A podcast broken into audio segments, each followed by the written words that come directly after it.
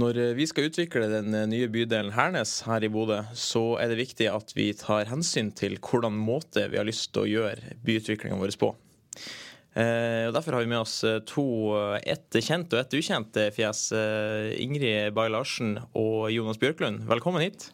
Tusen takk. Dere er jo miljørådgiver og arkitekter respektivt. Og dere skal snakke litt om hvordan byutviklinga her i Bodø har vært frem til nå. Eh, hvordan vi kommer til å ende opp hvis vi ikke endrer oss, og hvor vi vil ende opp. Eh, kan ikke dere snakke litt om hvordan har byutviklinga i Bodø vært eh, opp igjennom årene? Det, hvis man tar utgangspunkt i etterkrigstiden, da. Så den Bodø-byen vi hadde frem til 1940, den ble jo ødelagt i 1940 og, og gjenoppbygd etter krigen. Ja, det er rett og slett bomba sønder og sammen? da. Bomba sønder og sammen ja. og gjenoppbygd etter en uh, streng plan. Og um, i 1965 så sa Bodø kommune at nå er byen full, nå trenger vi mer plass. Mm. Hvor mange var vi da? På det tidspunktet var det vel en 15 eh, 000 innbyggere, noe sånt. Ja, da var, vi, da var det maks. I... Det var maks, og, ja. og det som da er Bodø sentrum i dag, var hele kommunen på det tidspunktet. Ok, ja, riktig. Og hva, hva gjorde vi så? Hva, hva skjedde Nei, da? Da begynte man å planlegge en, eh, en, det vi i dag ville kalt for en båndby. da. Mm. Der man strekte seg langt utover, østover og litt nordover. Ja. Og bygde da ganske sånn sammenhengende, kontinuerlig bebyggelse hele veien. Ja, mm. Og en båndby, for de som kanskje ikke er kjent med det begrepet, det er da at vi bygger sånne eh, tynne striper med byutvikling, altså mot Tvellane, Mørkve og Skivika, nordsida Skaug. At det er de her eh, eh, si, bilavhengige områder. Man må ha bil for å komme seg til og fra.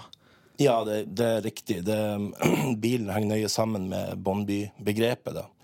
Og Det som også kjennetegner Bondby-begrepet, er at man har en veldig sånn jevn og kontinuerlig tetthet og homogen utvikling som egentlig bare er tenkt å fortsette og fortsette og fortsette i det uendelige. Ja. Så til slutt så hadde vi kanskje endt opp på, på Godenes, eller en, eh, kanskje Fauske til og med også. Ja, Man kan i hvert fall si Valleheia. Ja. så eh, hva har vi gjort for å eh, motvirke denne Bondby-effekten som vi er på tur mot per i dag? Da?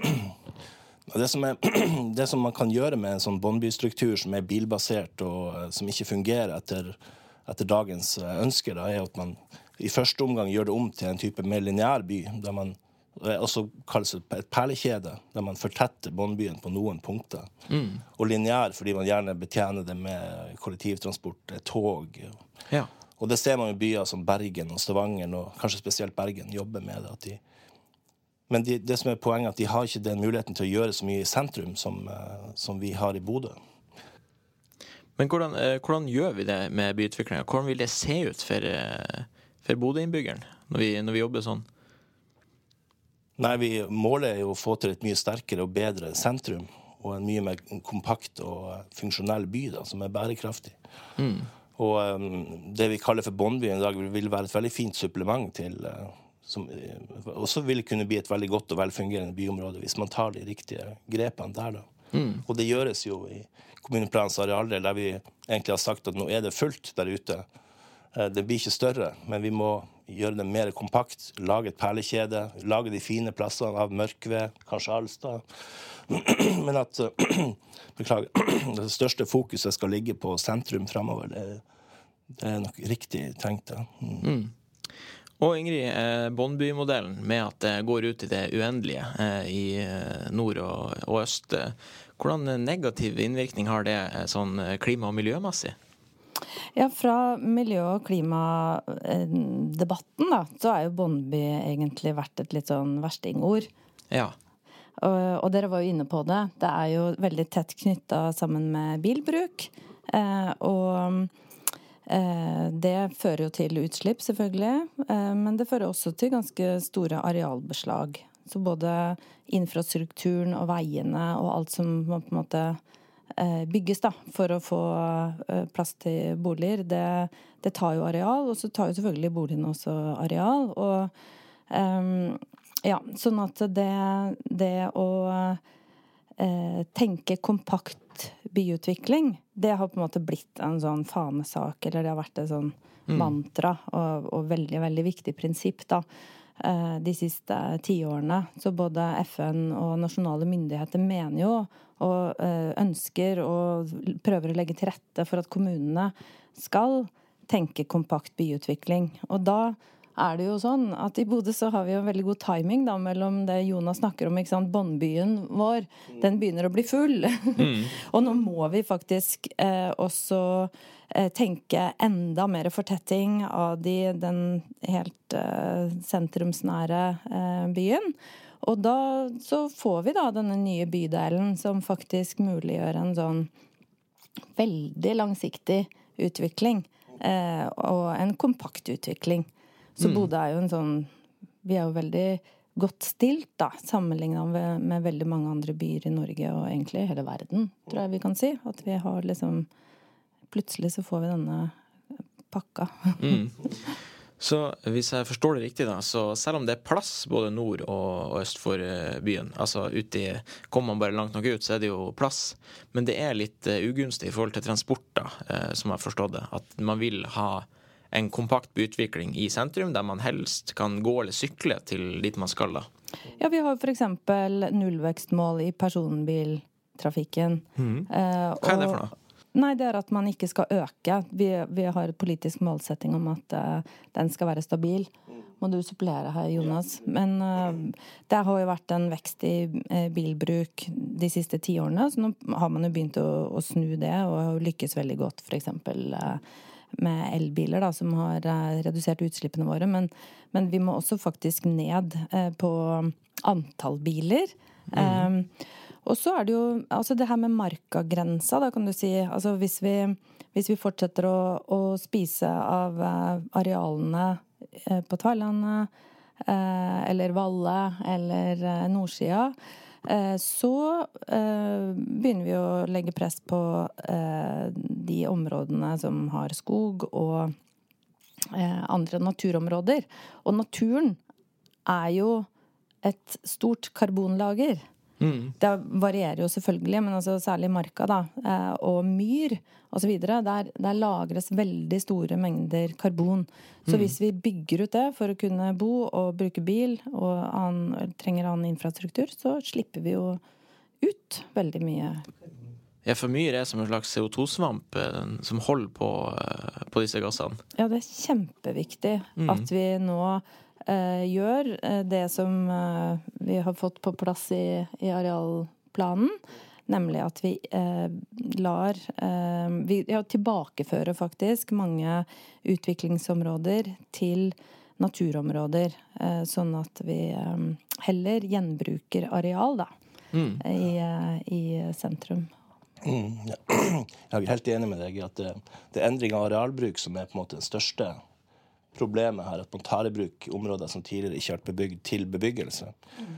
Og så kan vi også kan sikkert supplere med det her med timinuttersby som et begrep i planlegginga som innebærer at man skal kunne nå alle hverdagsfunksjoner innenfor ti minutters gange. Da. Mm. Som et, eh, også et sånn kontrært til Bondbyen-prinsippet, der ting gjerne er spredt litt mer utover. Og man får et mye mer større transportarbeid. Og i um, forlengelse av det så er det jo også det her med sosial bærekraft og uh, ja, folkehelse, som også er viktige begreper i, i dag. Eh, som understøttes av en sånn timinutters bytenkning. Mm. Og Bodø sentrum i dag er jo en liten timinutters by i seg sjøl. Så ja. Og så er vi jo vi er jo sosiale, vi mennesker. Jeg vil jo si at Båndby er jo litt kjedelig, da. Mm. At man bare du, Hvor er det man kan treffe hverandre? Hvordan kan man ha det uh, ja, sosialt, også med folk man ikke kjenner? Hvordan kan man lage gode offentlige um, rom. Eh, sånn at vi får eh, gode ja, urbane kvaliteter, da. Mm. At vi, at vi eh, ser folk, og, og vi får eh, eh liv eh, på restauranter og ja, mm. kino og kafeer og ja. Absolutt.